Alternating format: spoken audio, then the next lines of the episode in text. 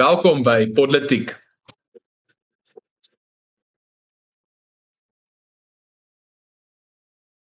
Asai goeiemiddag en uh, welkom by nog 'n uitgawe van politiek. Saam met my atelier is Rainer Dievenage en in vandag se episode bespreek ons 'n paar interessante stories uh in die uh weste van die wêreld, in die middel van die land en dan uh so 'n bietjie miskien in die noorde en suide van die land. Ons praat vandag oor die kieswet berig Vrystaat Takkesig en Lula is terug. Nou ja, kom ons ons is die week se politiek en uh Rainer, jy sê uh die die politieke stelsel in die kieswet word so 'n bietjie uh herondersoek of heroorweeg. Ek weet nie wat die heeltemal die regte term is nie.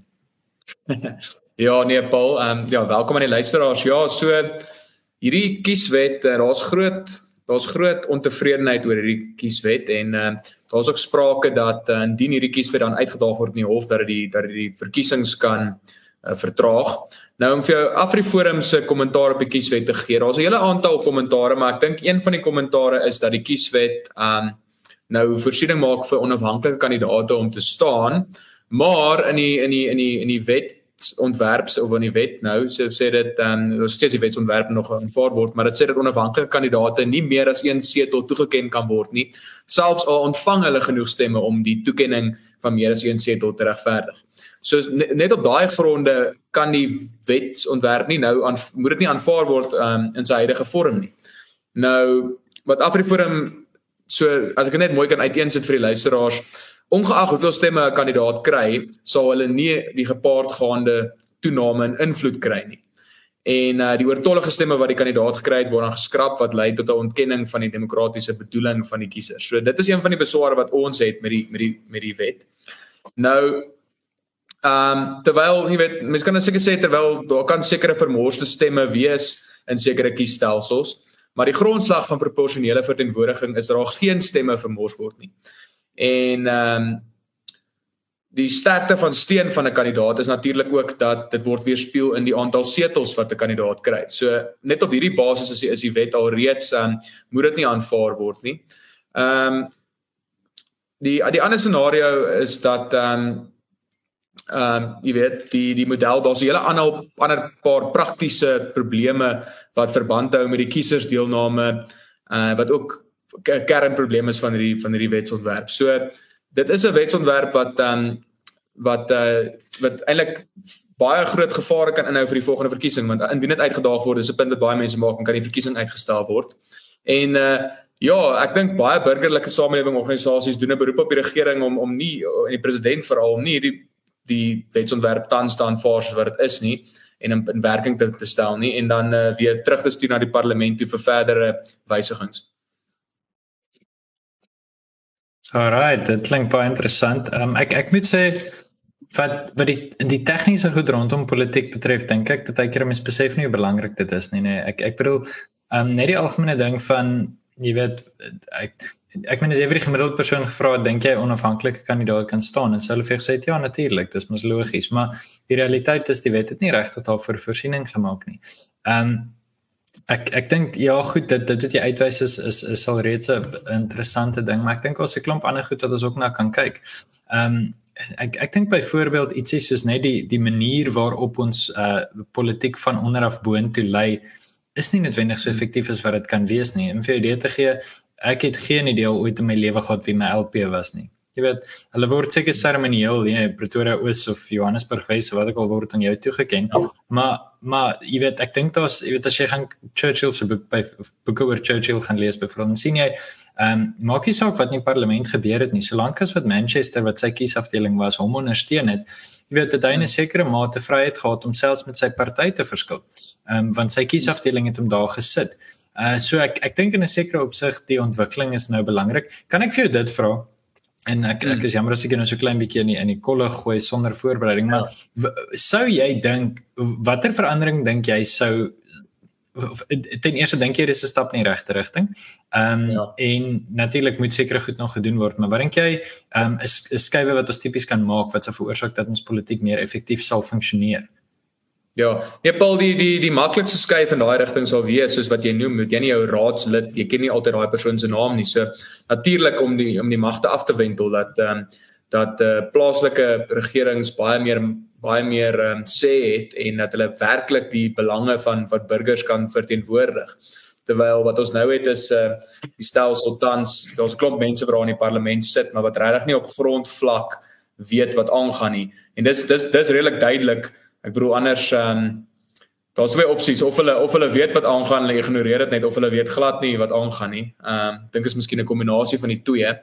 Maar die belangrikste is uh, dat ons dat ons 'n meer gelokaliseerde stelsel in Suid-Afrika kry. En ek dink dis wat baie mense voorstel wat wat hierdie wat hierdie wetsontwerp nie behoorlik dek nie. Dit is 'n gedesentraliseerde politieke bestel, uh, kiesstelsel en uh, dit is dit is absoluut die rigting wat ons moet beweeg in Suid-Afrika. Dis moeilike land om so sentralisties te regeer. Ek dink dis 'n belangrike punt. Kan ek vir jou 'n ander ding vra? Ehm um, iets iets wat wat ek die laaste tyd baie interessant gevind het. In in Duitsland, ek dink in Nederland ook is daar 'n minimum kerf wat jy moet bereik om in die Tweede Kamer te wees. So kom ons sê dis die kerf is dalk 5%. As jou party minder as daai kerf noodwendig bereik, dan gaan jy nie na die Tweede Kamer toe nie en daai stemme as ek reg is sal dan of wegval of proporsioneel herverdeel word tussen die ander partye. So dit kan byvoorbeeld beteken dat 'n klomp partye wat in Suid-Afrika het, ek dink aan die PAC wat een persoon het, dink Cope het een persoon, ehm um, en en heelwat ander partye. Die die gevolg byvoorbeeld uh, in in 'n land soos Duitsland of, of ek weet nie presies hoe dit in Nederland werk nie, maar die gevolg is dat jy 6 of 7 partye in die parlement het, maar elkeen het ten minste, jy weet as jy 5% in Suid-Afrika het, beteken dit dat jy ten minste 20 setels het, jy ten minste 20 stemme. Ehm um, sou jy dink so iets is dalk 'n stap in die regte rigting om te keer dat die oppositie vreeslik gediversifiseer is of eh, die teenoorgestelde kan natuurlik ook waar wees dat daar klein belangegroepe is. Mens dink byvoorbeeld aan van die klein volke in Suid-Afrika, die Tsonga mense of die Shangaan mense of so. Um, en hulle belange sal dan nie verteenwoordig kan word nie want hulle gaan nooit 5% kry nie. Selfs die Afrikaner, ek bedoel ja. ek dink as as elke liewe Afrikaner vir vir een party uh ons kry kommentaar wat sê daar sedert 94 geen kiesafdeling nie, so het nog nooit 'n LP gehad nie. Ehm um, dis 'n baie interessante kommentaar. Die die maar dit is tog interessant dat hulle wanneer hulle in die parlement verkies word, soort van jy weet van ver af uh, veronderstel is om om uh, ek weet nie 'n belang te hê of in 'n geval. Terug op wat ek sê, sou so iets nie noodwendig daartoe kon lei dat 'n mens minder van 'n verdeling het tussen jou tussen die oppositiepartye nie. Ja, ek dink dit is ehm um Dis 'n interessante punt wat jy maak, Paul. Uh kyk die die ander ding wat ons nou wel gesien het in die plaaslike verkiesings is dat hierdie kleiner partye hulle jy weet, hulle was nie noodwendig so verskriklik stabiel nie en dit is ook 'n fenomeen wat jy in Suid-Afrika kan waarneem. Ja, in beginsel in beginsel is dit goed as almal dan jy weet as as almal sê het almal verteenwoordiging het, maar ehm um, Ongelukkig in Suid-Afrika het ons ook al die fenomeen gesien dat baie van hierdie klein partye is opportunisties. Hulle kom in, hulle hulle hou voor om 'n om 'n spesifieke gemeenskap se belange te verteenwoordig en dan uh, en dan uh, doen hulle dit glad nie of hulle dan of dan dan gaan hulle oor na die ANC toe of so tipe fenomeen. Maar ek dink dit is een kant van die muntstuk. Die ander kant van die muntstuk is natuurlik is dit goed dat mense dat dat dat mense verteenwoordig word. Ek ek ek dink nie dat wendig ons het so hoë limiet nodig soos in ander lande nie. En maar wat wat my my punt is net dat hierdie goed moet georganiseer wees wanneer jy dit doen. Dit moet dit moet iets wees waar die gemeenskap mekaar aanspreeklik kan hou. Dit moet daar moet 'n vorm van organisasie wees. Dit moenie net een of ander ou wees wat opportunisties is en daar gaan staan en uh jy weet net eintlik doen sy wil en dan na die tyd tog by die ANC aansluit nie. So dit is dit is belangrik dat daar 'n vorm van organisasie is en wie bepaal dit? Die kiesers moet dit bepaal. Die, die kiesers moet bepaal is hierdie ou regtig bekwam, is hy bevoeg hy of sy wat gaan hierdie persoon se impak op die politiek wees. Ek dink daar speel die kiesers 'n reuse rol, maar ek dink nie daai drempel is, is is so belangrik in Suid-Afrika nie. OK. Nee, dit is baie interessant, jy weet, en ek dink uh ons is in 'n moment van politieke heroorweging. Uh, ek het al baie keer gepraat oor die 46 jaar reël in Suid-Afrika, dat ons elke 46 jaar Ekskuus uh hoe's lekker op op uh, regstreeks op die lig. Ehm daar is iets op hotel aan Griekeland, uh, Paul. Weet nie wat daar het het weer van 'n siekte daar, het te veel ja, geswem. Te veel fetakas geëet. Ehm um, so die die ding is wat mense interessant genoeg sien is dat jy weet elke 46 jaar is daar verandering. Ek hou van die 46 want mense het jy weet 46 stukkies DNA, 23 pare, so dit was my altyd snaaks geweest. Ehm um, maar nee, natuurlik dis nou dis deel toevallig eintlik dat jy van 94 tot 48 en 48 tel jy terug tot by 1902, dan gaan jy terug tot die stigting en die Santervier konvensie. So dis elke keer daai era en is omtrent hoe lank 'n groot mens volwasse is. Jy weet, kom ons sê jy jy kry op 22 of 23 aktief 'n brein en na 70 stel jy nie regtig meer belang nie. So jy het hierdie idee van 'n jy weet 'n bepaalde generasie en 'n bepaalde denkraam wat wat uitval. So goed. Hmm. Uh dit gesê, dink ek maar net ons is nou in 'n ons begin nou op 'n punt kom wat ek dink genoeg mense en ek en jy ingesluit. Ek kan nie onthou ehm um, hoe president Mandela by die tronk uitgekom het nie. Ek was nog nie gebore nie. Ehm um, ek kan onthou dat ek in die donker moes sit en huiswerk by flitslig doen. Jy weet dit het in 2007 2008 begin. So ek dink hierdie gebeure beïnvloed mense natuurlik en en dis interessant. Nou gepraat van veranderende politieke omstandighede en veranderende ehm um, politieke gebeure. Uh as jy ja. die storie wil terug terugval jy welkom. Ek wil so 'n bietjie uh kyk na wat daar in 'n provinsie gebeur waar jy ook al bietjie tyd spandeer het en dis nie Vrystaat. Nou Mm. Interessant genoeg hoe die ANC werk is natuurlik dat 'n klomp takke landwyd en daai takke is in ja. provinsies ingedeel en elke provinsie het dan 'n uh, 'n provinsiale kongres en hulle wys dan mense aan wat na die nasionale kongres toe gaan. Elke 5 jaar het die ANC natuurlik nasionale kongres en dit is hierdie jaar. Daaroor het ons al baie oor politiek gepraat. Nou die Vrystaat, nou, ons het hieroor gepraat 'n paar weke terug. Die Vrystaat het uitstel gevra einde September. Toe sê hulle hulle kort nog bietjie tyd. Ehm um, hulle sou einde Oktober, hulle sou 28 Oktober sou hulle die Vrystaat provinsiale kongres gehou het. Hulle kon dit nog steeds nie hou nie. So hulle het nou weer uitstel gevra. Wat effektief gebeur is dat uh daar's binnengevegte binne in die takke en dit veroorsaak dat die takke dan nie quorums kan bereik nie en dan kan daar nie geldige vergaderings wees nie. En so die takke kan nie vergaderings hou nie. Dit beteken dat die dat die um, munisipaliteite natuurlik nie effektiewe wel skus dat die provinsie dan nie effektiewe vergadering kan nie. So het hierdie hierdie opvloei effek. Nou dit gaan 'n paar impakte hê. Natuurlik die Vrystaat um, was nog altyd vir die ANC redelik sterk en dit kom voor asof daar verskriklike wanorganisasie aan die gang is. Maar verder as dit, weet ons dat vir die RET faksie betref, was die Vrystaat in 'n sekere mate ook belangrik juis as gevolg van die feit dat as Ysmagashule irrelevant van alles wat hy na bewering gedoen het in daai provinsie die slegte dinge was hy nog steeds redelik populêr. Ehm um, maar as die Vrystaat sukkel om hulle ehm um, eentjies na ry te kry, kan jy 'n situasie hê waar miskien die bietjie ondersteuning wat die RET faksie uit daai provinsie uit sou kon kry net eweskielik nie gaan realiseer nie. So wat my betref is dit interessant die spesifieke, maar as ons dan so treetjie terugvat en na die groter besonderhede kyk, dan is dit vir my ontsettend interessant om te sien hoe die ANC absoluut net uitmekaar uitval. Ehm um, en ek ek het dit al gesê, maar ek dink in 94 kon jy die verskoning gebruik, ja, maar ons was nou vir 30 jaar in ballingskap. Ons weet nie hoe om te regeer nie. Ons kort tyd is kort ervaring, maar na 28 jaar in die stuur regtig waar, dan moet jy al 'n bietjie 'n pipeline van jong talente, jy moet al 'n bietjie jou uh, jou storie ken en dit lyk net vir my asof hulle regtig nie die behoefte het om 'n effektiewe party te wees nie. Mm. Ja, Paul, ehm um, kyk, ja, waar begin 'n mens, jy weet? Ek uh, het nou self in die Vrystaat gewoon en elke keer as ek teruggaan, dan sien mens net die agteruitgang in daai in daai provinsie. En dit is werklik tragies want dit is ook um, jy weet vir Afrikaners is die Vrystaat baie belangrik. Uh dit is 'n kom ons sê spirituele hartland van die Afrikaner. En ja, dit is verskriklik verskriklik hartseer om te sien wat met wat met Bloemfontein gebeur, wat met die hele provinsie gebeur. Jy weet met Welkom, Welkom was 'n was 'n werklike vooruitstaande dorp gewees op sy dag en uh Welkom, jy weet dit is uh, verskriklik hoe dit lyk op die oomblik in Welkom. So my my my punt is net soos wat jy ook om by jou aan te sluit, hierdie dit dit dit is eintlik vir my net 'n absolute teken van totale ineenstorting van 'n party. Ek weet nie mens dit anders stel nie. Jy kan nou wel sê al hierdie dinge is na bewering gedoen, al hierdie verkeerde dinge en ja, ek sê ook dis na bewering amptelik. Maar ehm um, gaan ry rond in die Vrystaat, gaan kyk self waar daar aangaan. Ek bedoel, gaan kyk op grondvlak waar daar aangaan. Ek weet nie wat daar gebeur het nie. Uh daar's nie antwoorde nie.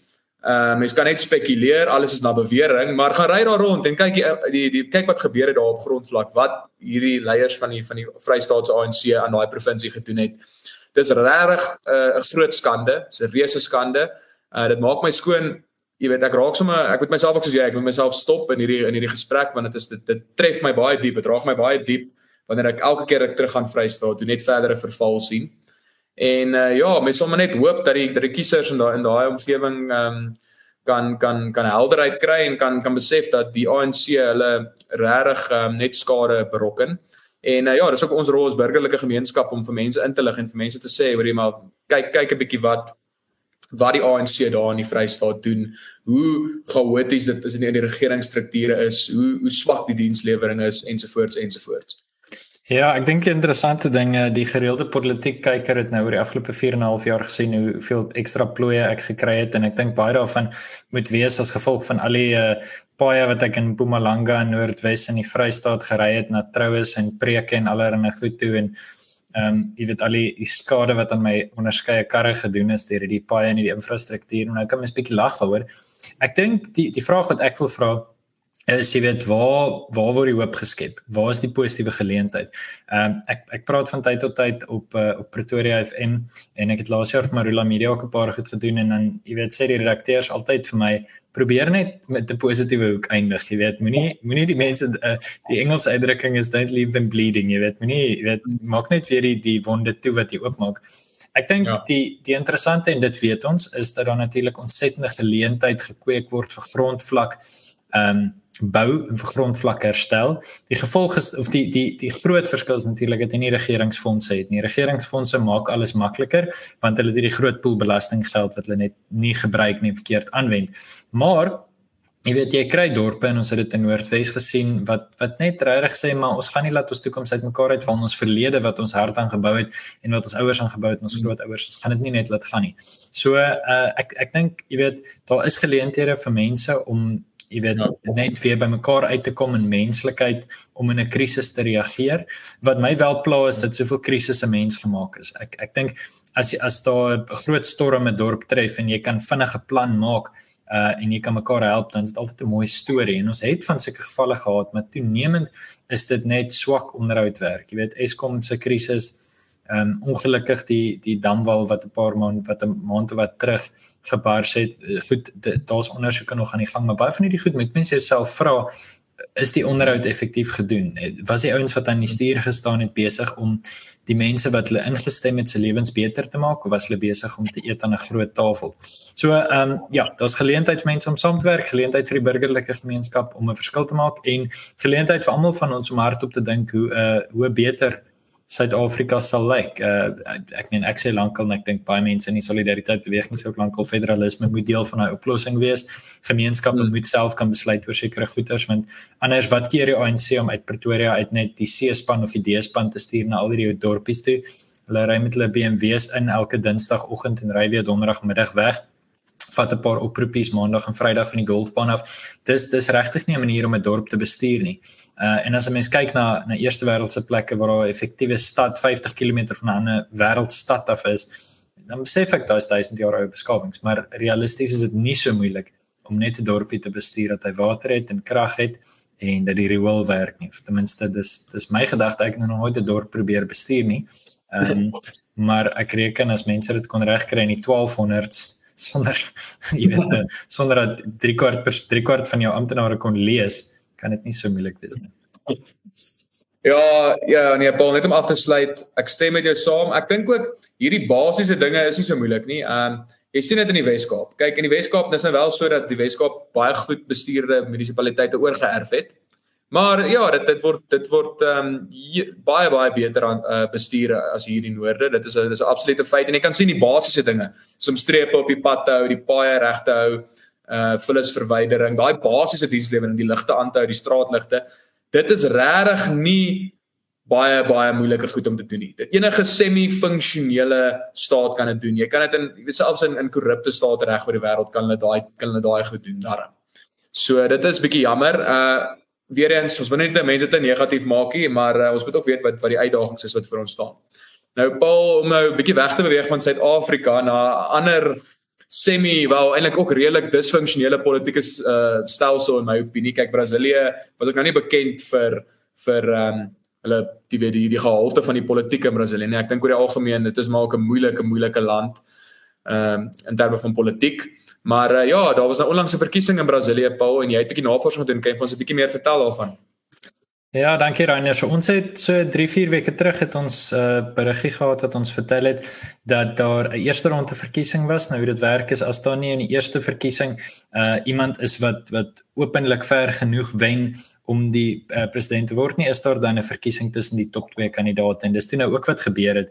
En dis baie duidelik dat daar in Brasilië groot verdeling is, want na afloop van Sondag se verkiesing uh was die uitslag 50,9% vir die een kandidaat en 49,1% vir die ander kandidaat. Nou in terme van van verkiesings is dit naby. Mens moet dan ook sê Brasilië is 'n massiewe land. So daai 1,8% verteenwoordig by die 2,1 miljoen mense wat wat 'n geweldige hoeveelheid ehm um, kiesers is, jy weet. So mens moet dit maar net so bietjie in ag neem. Nou kom ek delf so bietjie in. Luiz Inácio da Silva uh, of Lula soos wat hy algemeen bekend is, uh, is weer verkies as president. Ek sê weer nie omdat hy die voormalige president was nie, maar omdat hy lank gelede in die verlede, ek glo tot en met 2008, maar kan verkeerd wees, um, omdat hy regeer het van tevore en hy's as gevolg van korrupsie en verskeie ander interne probleme voorheen verwyder. Ehm um, maar goed. Uh daar's 'n paar interessante dinge wat ons hieroor moet moet kennis neem. Ten eerste, Lula se agtergrond, hy was deel van al uit die werkersparty help stig toe Brasilië uit diktatuur uitgekom het en Lula was was eintlik maar altyd linkslenend, dit weet ons polities en so aan. Dit beteken ten minste so lees ek 'n paar berigte dat die samewerking tussen Brasilië en China dalk weer 'n bietjie beter sal wees. Alhoewel dit kom voor asof al die slegte Bolsonaro van China gesê het, ondanks dit alles het China en Brasilië eintlik nog steeds goed saamgewerk onder Bolsonaro. Ehm um, wat ek dink meer belangrik is is die absolute verdeling wat wêreldwyd is en Brasilië is amper 'n mikrokosmos daarvan.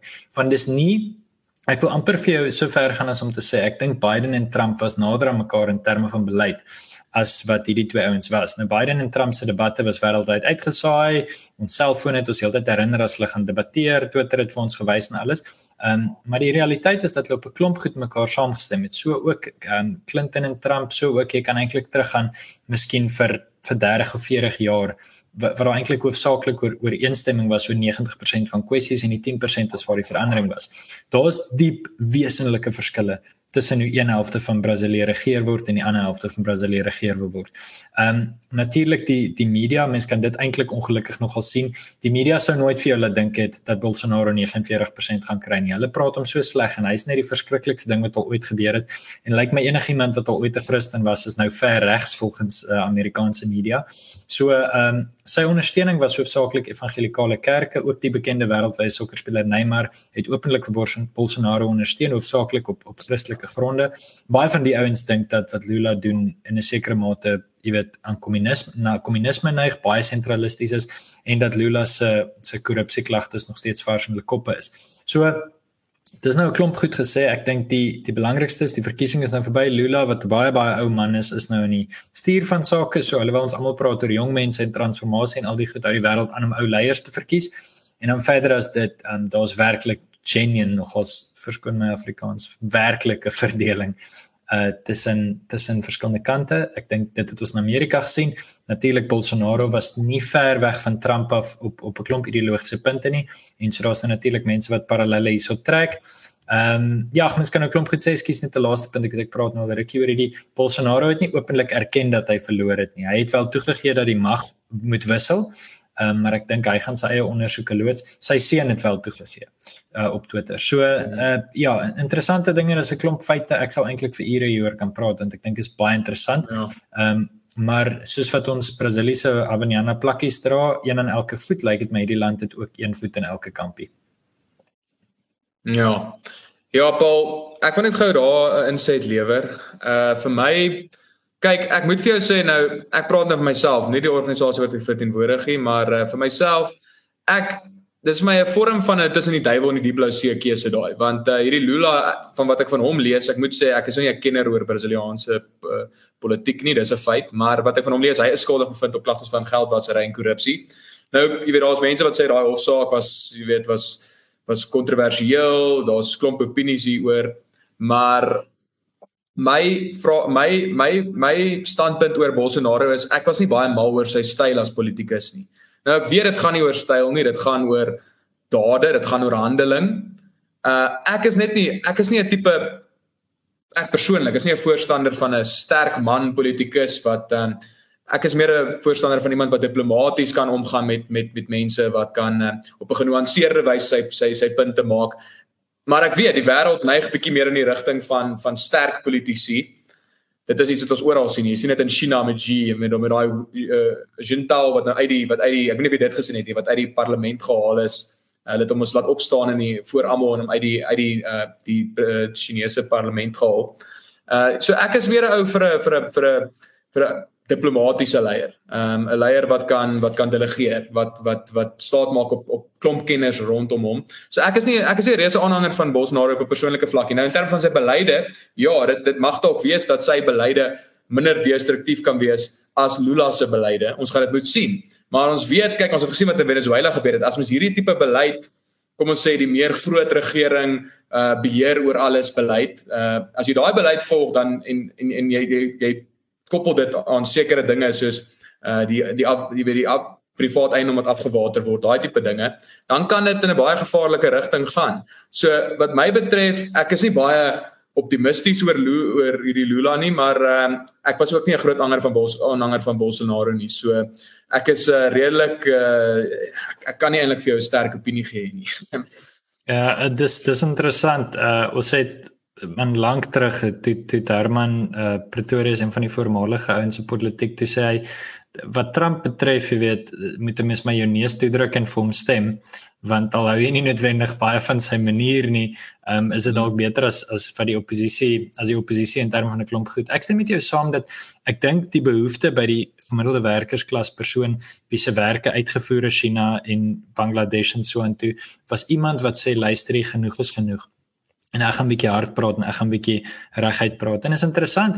Ehm um, hulle het 'n studie onlangs na Amerika gedoen waar hulle kyk hoekom het mense vir Trump gestem en dit was nie oor die goed soos die muur of so aan nie. Dit was letterlik oor soos die feit dat hy jy weet sê dat hy sê ons we will drain the swamp of seker dit is mense is baie meer mense reageer op so bietjie op daai daai daai aanvallende benadering en ek dit is so dit gaan baie keer teen mense grein in jy weet. Ek dink mense is geleer om ordentlik wees en selfs as jy nie saam met iemand nie. Ek onthou ek was graad 9 toe ek in 'n debat daar 'n vereniging tussen ek dink ons het gepraat teen 'n skool van Bethlehem of ietsie.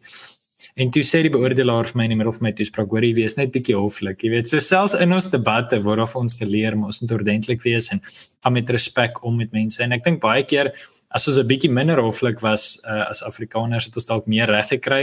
In die afgelope 15 16 17 jaar.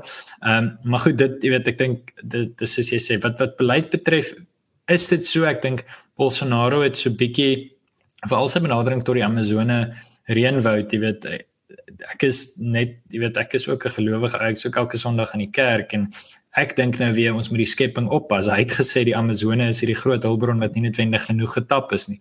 So ja, ek, nee, ek dink ja. ja, die probleem is ons ons moet nie toelaat dat die groenes die die omgewing debat steel nie. Jy weet Genesis uit die Bybel uit sê is pas die skepping op. So Christene kan die groen argument van pas die wêreld op eintlik effektief gebruik. Ek dink Roger Scruton se 2013 boek is nogals goeie leiding daarso. As ek as ek ons so klein bietjie net op 'n syspoor mag neem vir 2 minute Rainer. Hier was 'n kommentaar gewees of ons oor Twitter gaan praat. So as ja. ek dalk die die podsendingkie mag eindig en vir jou vinnig kan vra wat wat is jou gedagte oor uh Twitter wat nou uiteindelik uh, aan 'n Suid-Afrikaner behoort? Wel, Paul, ek moet vir jou sê dis my bietjie surrealisties hierdie laaste gebeure, jy weet. Hierdie ou wat inkom is amper iets uit 'n fliek uit. Dit is hierdie groot miljardêr, die rykste ou in die wêreld. Hy kom in en hy begin net mense afdank links en regs en dit is weet daai mense is op Twitter besig sê hulle is nou hulle is nou aktiviste vir vryheid van spraak. Ek weet nie wat daar aangaan nie. Weereens uh dit is um, ek is 'n gebruiker van Twitter. Ek dink um daar was mense wat geblok is op Twitter wat ek nie mee saamgestem het nie en daar was definitief 'n skynheiligheid met uh, dat weet daar was baie baie ekstreme gewelddadige groepe wat toegelaat is op Twitter. En ek dink verandering is nodig. So oor die algemeen weer eens ek is um positief oor dit, maar ek uh, ek wil net eers sien hoe dit uitspeel. Jy weet, dit is my baie moeilik om te voorspel. Ek dink tog Elon is 'n hy's 'n karakter, jy weet, hy's enigmaties, hy's 'n uh, hy's 'n ou wat jy weet, hy het baie opinies oor baie verskillende dinge. Baie keer stem ek met hom saam, baie keer nie. Uh ek dink tog hy het oor die algemeen die regte idee en ek dink sy idee is om te neig in die rigting van vryheid van spraak wanneer jy twyfel of of 'n spraak aanvaarbaar is of nie neig eerder in die rigting van aanvaarbaar as nie aanvaarbaar nie. So ek dink dit is dit is sy posisie en ek dink dis 'n goeie posisie maar ja dit is dit is verskriklik iets soos uit 'n Hollywood fliek uit hierdie hele hierdie hele ding. Ja, dankie. Laaste gedagte vir my voordat voordat jy ehm um, vir ons kan afsluit net net dit. Ek ek dink ons is geneig vir al die laaste paar jaar in die wêreld om baie binêr na goed te kyk, jy weet. Jy's of vir die inenting of jy's teen die inenting of jy's vir Trump of jy's teen Trump of jy's vir lockdown of jy's teen lockdown. Dis regtig die wêreld probeer super hard om ons in twee kampies in te deel. En ek dink wat Elon Musk betref is dieselfde. Jy weet, ek dink twee goed kan op dieselfde tyd waar wees. Hulle met Rusland en Oekraïne. Dit kan wees dat alle partye eintlik maar verkeerd was, jy weet, en ons ons ons moet osself toelaat om so daaraan te dink oor feitelik alles. Want ek ek dink is maar die mense aard om verkeerd te wees, ten minste dis wat my paar jaar op op aarde my geleer het sover. Ehm um, ek dink dit is definitief so dat Elon Musk besig is om 'n bietjie van 'n boelie te wees. Ek dink die manier hoe hy so 'n hele wêreld vol dit eintlik maar uitgesaai het dat hy ons afgedank is, die manier hoe hy mense trou wat gesê wat sê hulle is afgedank, dit is onnodig en dit hoef nie te gebeur nie. Dit so dis aan die een kant hoe ek voel. Ek dink dis bietjie ongeskik. Ehm um, maar aan die ander kant dink ek ook hierdie ouens was boelies geweest vir die afgelope 15 ja. jaar.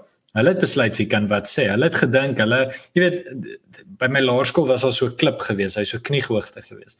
En die klip het geen regte waarde nie, maar jy wil bo op die klip staan, jy weet. En so is 'n groot speletjie in die oggend om mekaar af van die klip af te stamp dat jy net op die klip kan staan en dan stamp iemand anders jou. Hulle het op die klip gestaan en hulle was verbaas dat iemand hulle afgestamp het en hulle is soos nee maar ons is nou die slagoffers. Dis nie waar nie. Hulle het besluit vir hoeveel jaar dat die kommunistiese party of Al-Qaeda Twitter rekeninge mag hê, maar Donald Trump mag nie en hulle het geweier om Jordan Peterson terug te sit. Um, hulle was bullies geweest en toe kom iemand en sê vir hulle hoorie, okay, nou is ek 'n groter boelie en hy is 'n groter boelie. Nie fout maak nie. Um, en mens moet hom ook maar dop hou. Jy weet, um, Ronald Reagan se woorde dat vryheid maar net 'n generasie lank is, kom altyd terug na my toe. Generasies word korter en korter want daar's heeltyd hierdie wisselings.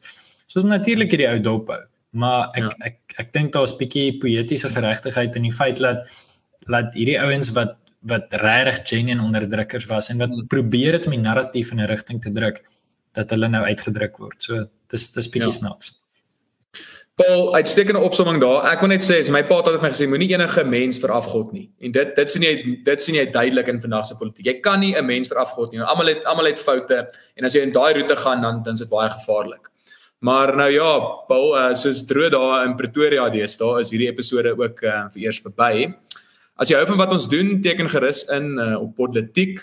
Ons nooi jou as luisteraar uit om ook self 'n bietjie te ontnonsens deur die gesprek voor te sit in die kommentaarafdeling of um, op ons Telegram kanaal of volg ons op Twitter. Lekker middag.